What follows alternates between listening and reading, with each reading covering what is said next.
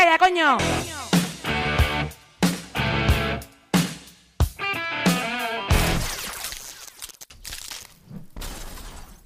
Hola, hola, hola, tornem a estar aquí amb les ovelles negres de Donat. Molt bon dia a tothom, com estem? Com ha anat la setmana?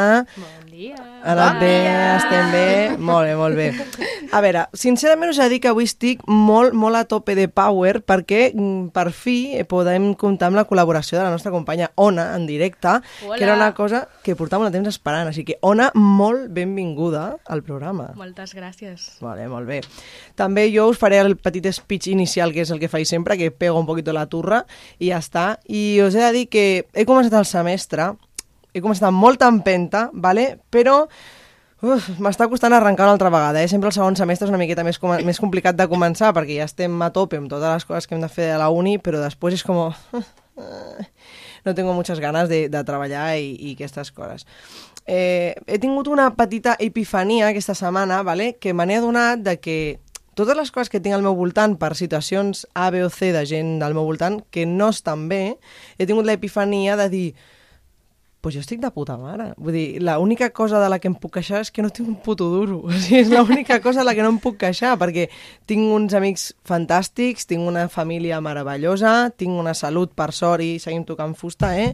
De 10, eh, i el que és amor, tinc amor de tots tipus. L'amor necessari que, que necesito en mi vida ja lo tengo, així que l'única cosa que me falta és dinerito. Vale? Així que, bueno, res, realment m'agradaria que tots féssim aquesta reflexió de tant en tant, de dir, bueno, donem-nos compte quines coses tenim a la vida i què, és el que està bé i què és el que podria millorar. Però bueno, deixem-nos de sentimentalismes perquè estem un poquit així potxetes, vale? i ens anem a posar a la feina, d'acord? Avui les seccions que tenim són, bueno, d'allò més entretingudes i d'allò més interessants, perquè sempre comentem, no?, les, les, la secció tant de la nostra de la companya Mercedes d'artistes singulars o la de, la, de l'Ona, no?, pues són, no sé, són seccions que a mi me remueven i em fan pensar molt i em deixen com molt uau, no? Així que, bueno, eh, començarem primer amb la secció de la nostra estimada companya Mercedes, que és artistes singulars.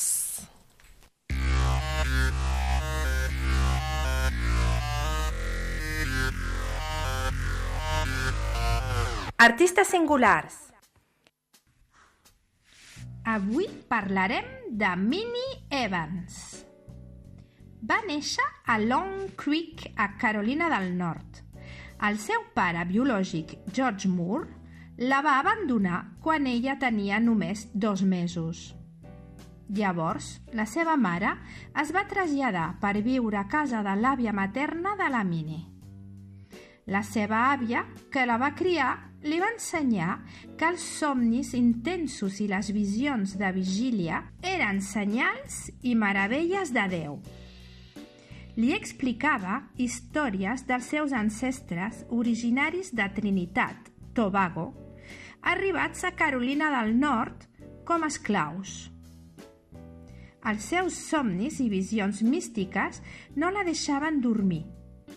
Aquesta manca de son i la necessitat d'ajudar econòmicament a la seva família provoca el final de la seva escolarització i comença a treballar en una empresa de cria d'ostres. Winnie comença a freqüentar l'església episcopal de Wilmington, una església que va néixer com a signe de protesta contra l'esclavitud i la discriminació racial. L'any 1908 va conèixer el seu marit, amb el qual va tenir tres fills. El seu marit li deia de deixar de tenir visions i de concentrar-se, com o no, a les coses de la casa.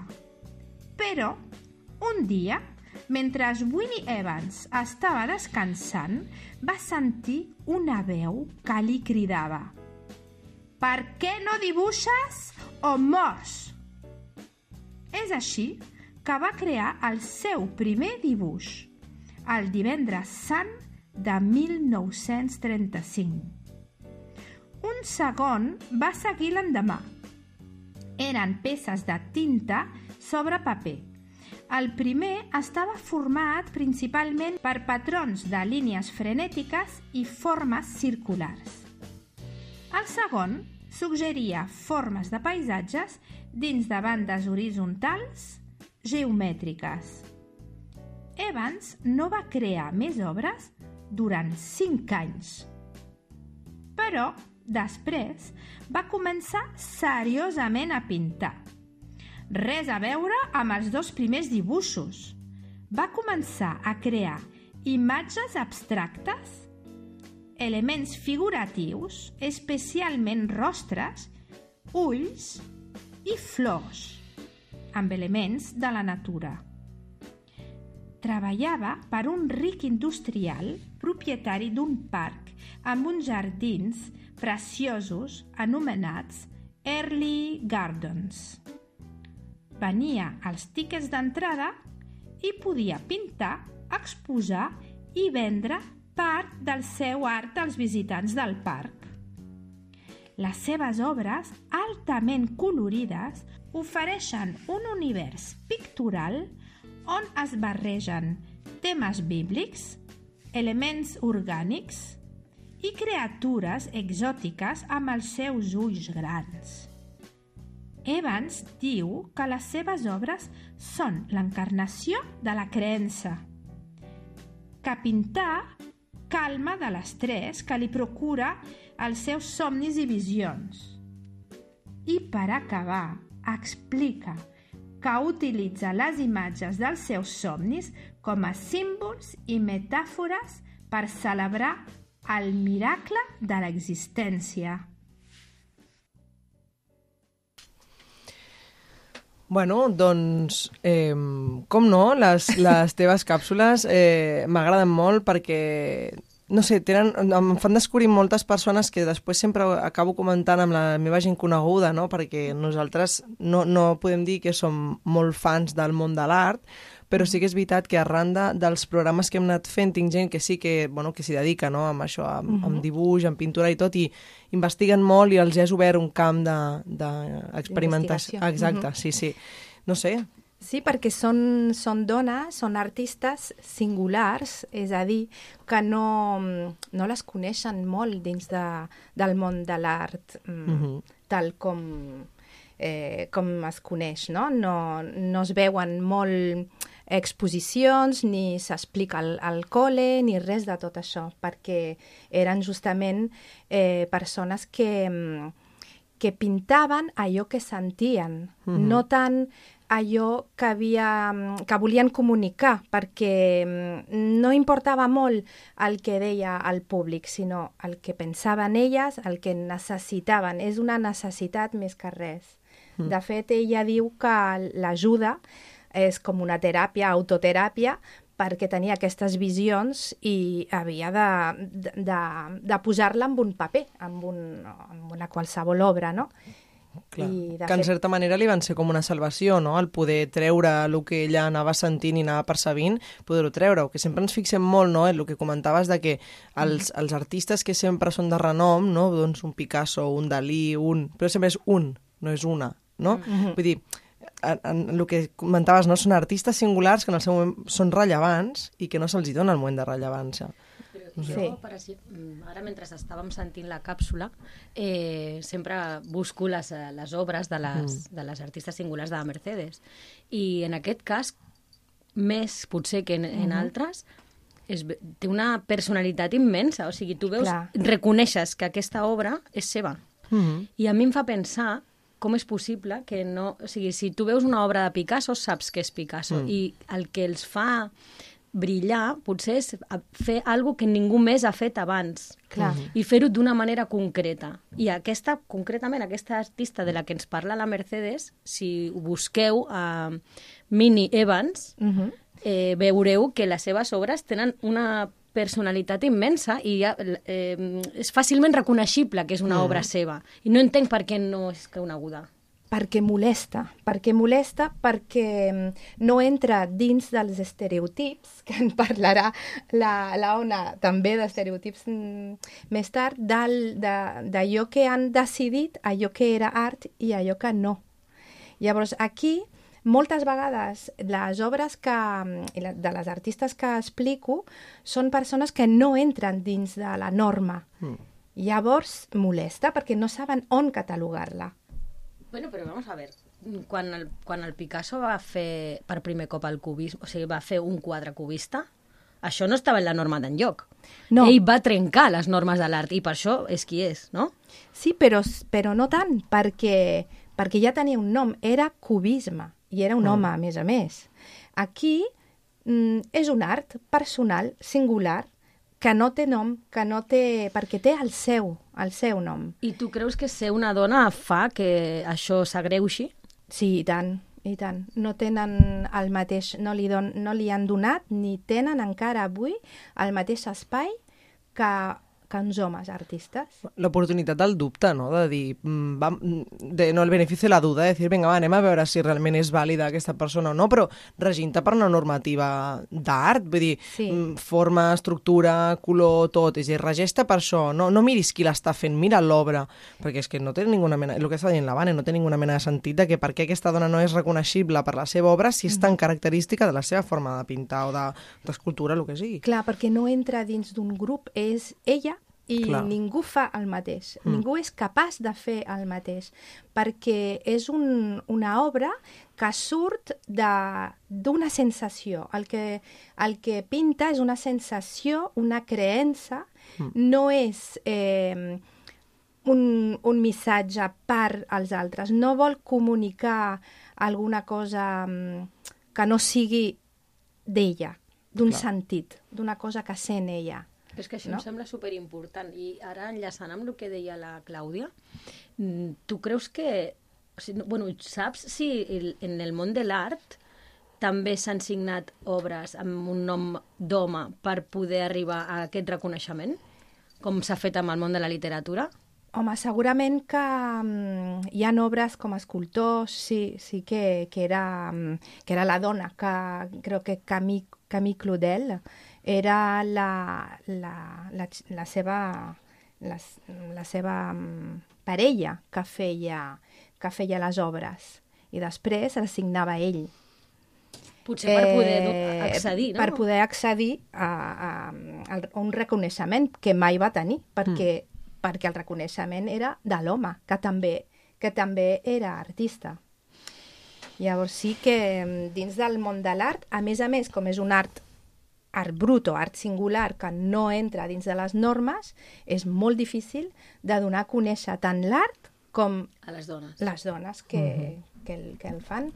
A mí lo que me da la impresión es que si esta mujer, en vez de pintar en los años 1930 y pico, ¿no? que era más o menos donde se, se la obra, eh, fuera de ahora, te lo juro que yo creo que lo petaba. O sea, sinceramente, porque sí. tiene un, un ámbito chamánico, un- así como muy natural, ¿no? Como muy crudo, muy, muy a la naturaleza. O sea, no, es como una oda a la naturaleza y, Sí, a, sí. y a- y a la divinidad que hay en la naturaleza. Me da la Sí, es que ella vivía eh, y trabajaba en un parque que habían muchas flores y entonces eh, es su vida que está ahí y además su creencia. Entonces ella tenía que, que explicar qué era la existencia y entonces de qué manera ha podido plasmar lo que es la existencia. Claro, es que yo veo aquí como que tiene un, un calibre así como muy religioso, Sí. pero a la vez como... Potente, muy potente. Muy potente. No, no tanto así como Dios y, su, y, y Jesucristo, como era antiguamente, ¿no? Sino que es como realmente la divinidad dentro de la naturaleza. Y eso me ha impresionado, me ha molado muchísimo. La verdad que sí. La veritat que és el que estàvem comentant, les, les artistes singulars que ens presenta la Mercedes sempre tenen aquest caràcter més més místic, més el que comentàvem, no? molt natural, molt tal, sí que és veritat que, que si fem un recull de totes les, de les dones que hem vist, és el que estàvem dient, són dones fora de la normativa, que dius, jo hago lo que a mi me da la gana, perquè realment el, el tipus d'art que, que, està, que veiem sempre és un art creat, nascut de dintre, d'algú que et neix i et surt i que se'n va de la norma, i el que se'n va de la norma no li agrada a la gent. Vull dir, lo, és lo raro, no? Eres rara, però això no te doy el voto de confiança. Aquest el problema és el que ve, que no se'ls dona el vot de confiança, no se les dona l'oportunitat de sortir a la llum pel simple fet de sortir de la norma. Llavors, clar, és bastant injust, la veritat, jo a mi em sembla bastant injust. Però bueno, Així és la vida. Sí, sí. Llavors, d'acord, eh, ara començarem i passarem amb la següent secció, que és la secció de la nostra estimada companya Ona. Llavors, eh, aquesta secció, Ona, ens comentaries que anava a vindre de eh, el que són els estereotips, no? Sí. You, you love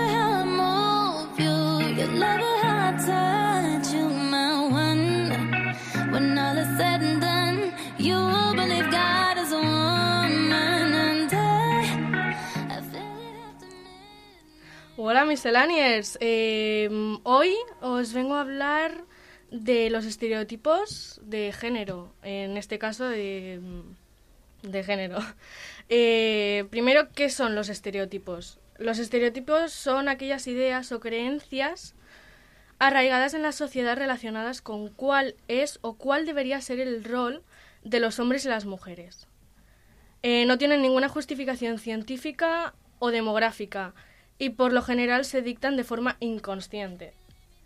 Eh, de este modo se caracterizan porque atribuyen rasgos, actitudes, comportamientos y patrones a cada uno de los géneros, los cuales son compartidos por mucha gente y por lo tanto forman parte del imaginario de una determinada sociedad.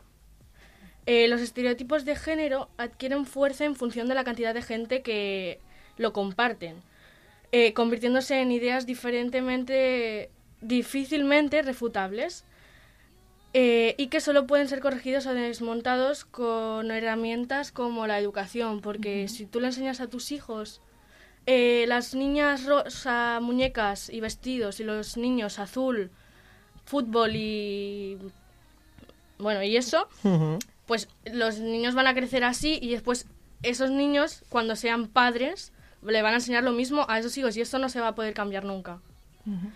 Eh, los estereotipos pueden ser negativos, eh, positivos o neutros, pero en cualquier caso marcan los roles y el desempeño tanto de los hombres como de las mujeres desde la infancia, generando en muchos casos situaciones de desigualdad y discriminación. Eh, por, ej- por ejemplo, socialmente a los hombres se les vincula con cualidades como la valentía, el carácter dominante, la racionalidad, la fortaleza o la eficacia, en- entre otras cosas.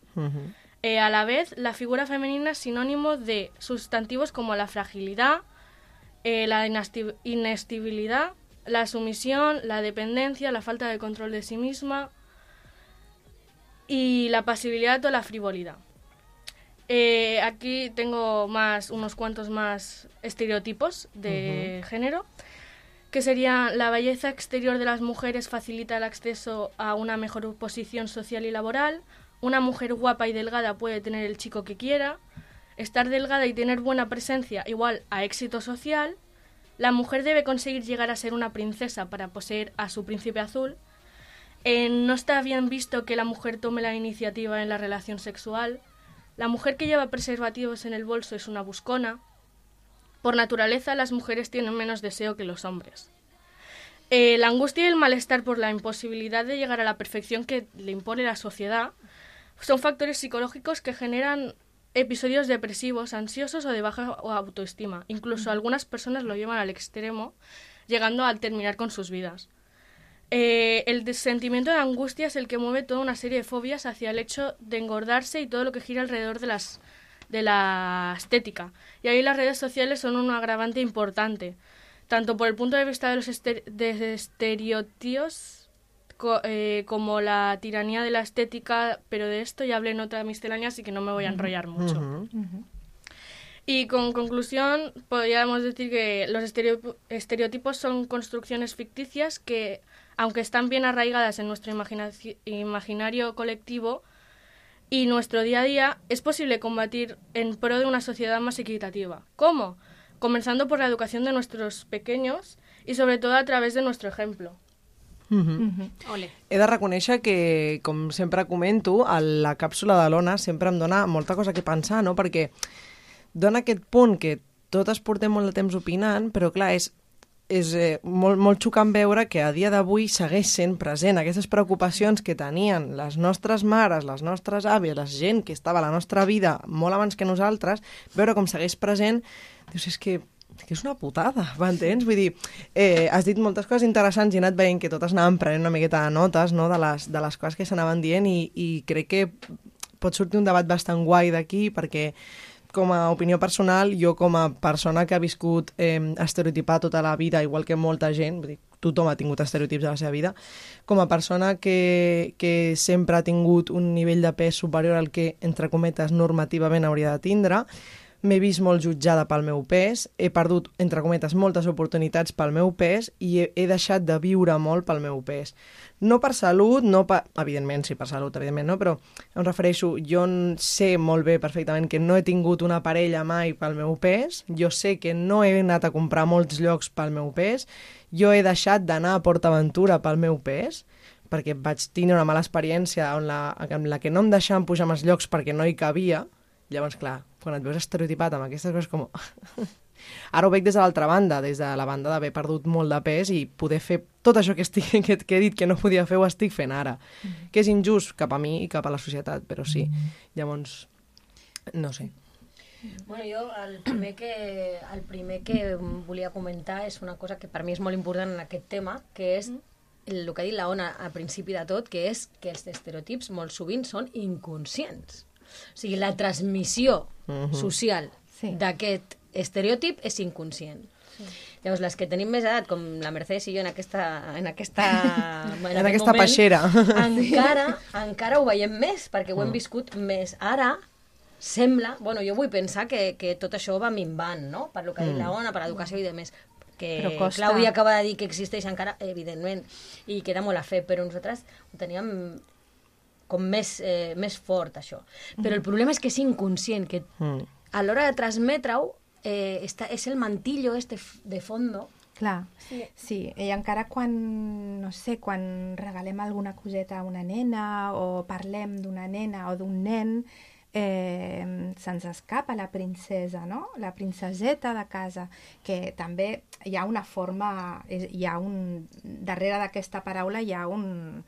Un sentiment una emoció, carinyós, un clar. sentiment carinyós. Mm. Però de, del, darrere de la princesa és la que espera la que espera el valent, no? que és el príncep. Gràcies a, al, a joves com tu i a persones que, eh, com tu, Ona, i, com, i persones que, del teu voltant, hi ha gent que se n'adona i els contes ja no són els mateixos. Però crec que és importantíssim allò que has dit de l'educació sí. i de donar-nos, de donar-nos, perdó, de que eh, d'aquests rols que ens han donat, no? I, de fet, afegir que el, aquests rols de el valent, el que té seny, el que té força, és pels homes i les dones les que pensen, les que tenen alguna sensibilitat. Darrere de tot això hi ha també l'espai. I l'espai públic és aquest per la raó, la força pels homes, no? I l'espai privat és nostre, de les dones. Mm. Llavors, com, com sortim nosaltres al públic si no tenim el rol? Sí. Jo, eh, perdó, eh, he fet un, una breu, in, fet un, eh, un breu incís. M'agradaria preguntar-te, Ona, eh, ja que tenim aquí, podem fer-te preguntes. Sí. Te vas acribillar preguntes. No, m'agradaria preguntar-te que, o sigui, coneixent-te el poquet que ens coneixem, no? així com en persona, que sempre sentíem parlar la teva mare sobre tu, però clar, vull dir, no és el mateix que parlar directament amb tu. Sí.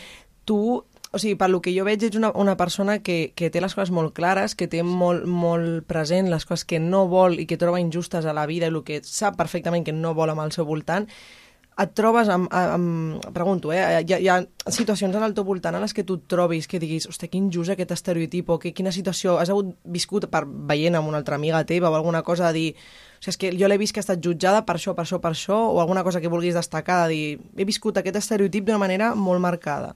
Eh, doncs sí, per exemple, eh, educació física, el meu professor Uh -huh. eh, és pas, molt masclista i molt, que estereotipa moltíssim. Uh -huh. Per exemple, jo sóc un desastre als esports, llavors no, no sé jugar. Ara, per exemple, Mhm. -huh. vam jugar al handball i, i jo no tenia ni idea i em vaig posar a plorar de, de la impotència de no saber, uh -huh. no saber jugar. Llavors em va venir i em va explicar no sé què, tranquil·la, jo t'explico. Com que si no m'expliqués ell les coses, jo no sé fer-ho. Com el Salvador, no? El, Sí, compleja, el complejo sí, de héroe, no? no? Exacte. Eso. Mhm. I, com, I després a un altre noi que em va passar malament la pilota eh, sense voler, clar, perquè volia passar-la bé, Mhm. i va començar a cridar, el va renyar, en plan, ets tonto, què fas eh, si t'he ensenyat superbé? Mhm. Com que mm, a nosaltres ens trata... Jo és que em poso molt... molt... Nerviosa, no? Sí, perquè no puc fer res amb aquest, perquè és el meu professor, no No, puc clar. dir-li coses al meu professor. Llavors m'ho guardo per mi i, i rajo d'ella amb les meves amigues. No, no, clar. I, saps, això també amb, amb molts de la meva classe, jo, és que jo ja passo de dir-li coses perquè s'enfaden amb nosaltres. Mhm. Jo, jo Saps? vull fer un incís aquí perquè jo he sigut professor, bueno, soc professora de, de substitució a l'ESO i normalment he tingut classe amb nois de tercer, quart de, quart de l'ESO. I és supercuriós perquè sempre, a tots els instituts que, a, que, que he anat, el problema estava amb el professor de- d'educació física. No amb la professora, hi havia professores també, eh? però sempre, sempre, sempre el problema, o sigui, tots tenien problemes amb el professor de- de- d'educació física, i sobretot les noies. Eh, me'n recordo que al final de curs feia molt, moltíssim calor l'any passat i me'n recordo que hi havia unes noies que, que van venir plorant dient, tia, és que estic amb la regla em, trobo fatal mm. i em, em fan fer les voltes com a tothom i li he dit que em fa molt de mal, que no em trobo bé que m'estic manejant i encara i així plorant i tot i fent-li donar voltes que si no la suspenia i aquí, mm, o sigui, jo crec que, que hem d'alçar una miqueta la veu i en el meu cas sí que, sí que vaig posar una queixa, vaig anar a parlar amb ell. Però, però Déu-n'hi-do, eh? Bueno, jo voldria... mm, Evidentment, vos, tu en saps més d'això perquè ho has viscut, no? Clar. Però jo vull la, mm, romper una lanza perquè en el cas del seu professor de gimnàsia, ell el que està fent en el, en el seu cap és ajudar-la. Complejo de héroe. Claro, sí. ell l'està ajudant i ell la, la, la tracta superbé, és una passada, vull dir, mm -hmm. jo... Però, clar, amb ella li mosquea perquè diu, però m'estàs tractant així només perquè sóc una noia, no? Sí. I és això el que li retreu, no que sigui un... que la faci, li faci passar malament. Ans al contrari, no? La beneficia Clar. per ser dona. I el que amb ella li molesta... És no? aquest La simple fet. condescendència. Sí, Eso és. perquè passa d'un extrem a l'altre. Si no... mm, O si fos així li amb fas... tothom, doncs Sí. no, no o li, veuria, no? o li fas molt de cas i la trates i, i per bé, o la trates Sí. fatal i no li fas ni cas. Clar. Per exemple, a mi, eh, doncs, sempre amb, eh, quan toca educació física em ve la regla. Sí, Sí, llavors eh, em marejo perquè ens fa fer 5 minuts a la pista sencera que corrents. Jo un dia em vaig marejar i, per exemple, em va dir senta, tranquil·la, quan et trobis millor, torna. Però en això eh, estic bé, però em queda encara això... Sí, de perquè estem molt molestes amb, Sí. amb, amb la condescendència, no?, que sempre Sí. rebem. Eh, Claro, yo soy un hombre, déjame que te, que, que te lo Sí. explique, porque, claro, Tú no, no sabes, no lo puedes entender Sí. bien, ¿no? Porque tu cabeza no está hecha para los deportes. No. Eh, entonces, no, es, es verdad, es muy molesto, pero es que lo hemos vivido no solo en, en, en deportes, sino que también en, en muchísimos otros ámbitos, en muchísimos. Claro. En Hem el ámbito público, seguro. Sí. Sí, sí, que és el que estàvem comentant, no? que es- nosaltres sempre estem a la part relegada de privat, no? de tal, De i la gent... cures Exacte. He de reconèixer que el tema dels estereotips dona moltíssim tema del que parlar, perquè és bastant potent i crec que, que podríem treure-li molta més cosa explicant anècdotes i experiències cadascuna en nostres àmbits, no? I desgraciadament el temps abreuja i, i em fa molta ràbia això sempre de tallar-vos, però bueno, lo siento, chicas. Avui ens acomiadem amb una, can amb una cançó que es diu Gata Katana, de l'Esístrata. És una cançó molt guai que he descobert, que és així com un rap bastant guai, que a mi em fa, me mola mucho, no sé, jo ja us ho deixaré aquí perquè ho escoltem bé. I avui ens acomiadem acompanyant amb aquesta cançó una frase de Maya Angelou, que diu Cada vez que una mujer se levanta por sí misma, posiblemente sin saberlo, sin clamarlo, se levanta por todas las mujeres. Així que, noies, ovelles, ens acomiadem, un petó molt fort i, com sempre, ara sempre, pa sempre, visca les ovelles negres de Donat. Visca! Vale, que monten suministros, festivales feministas contra la segregación. Alimentando el tópico con discriminación positiva, que es mentira, no es ninguna solución. Yo hago lo que quiero bajo el niño, no andes sola. Mujer en toda regla, poetiza con mayúsculas. Descontrolada por la ciudad cantando hardcore, con camisa y tacones altos, con la moral muy por encima de sus cuentos, como la de otras tantas putas que mueren callando. Yo ando cayendo ya, encallándome en mi propia guerra civil, como lo hiciste tratar, sin más que decir que aportar a la causa.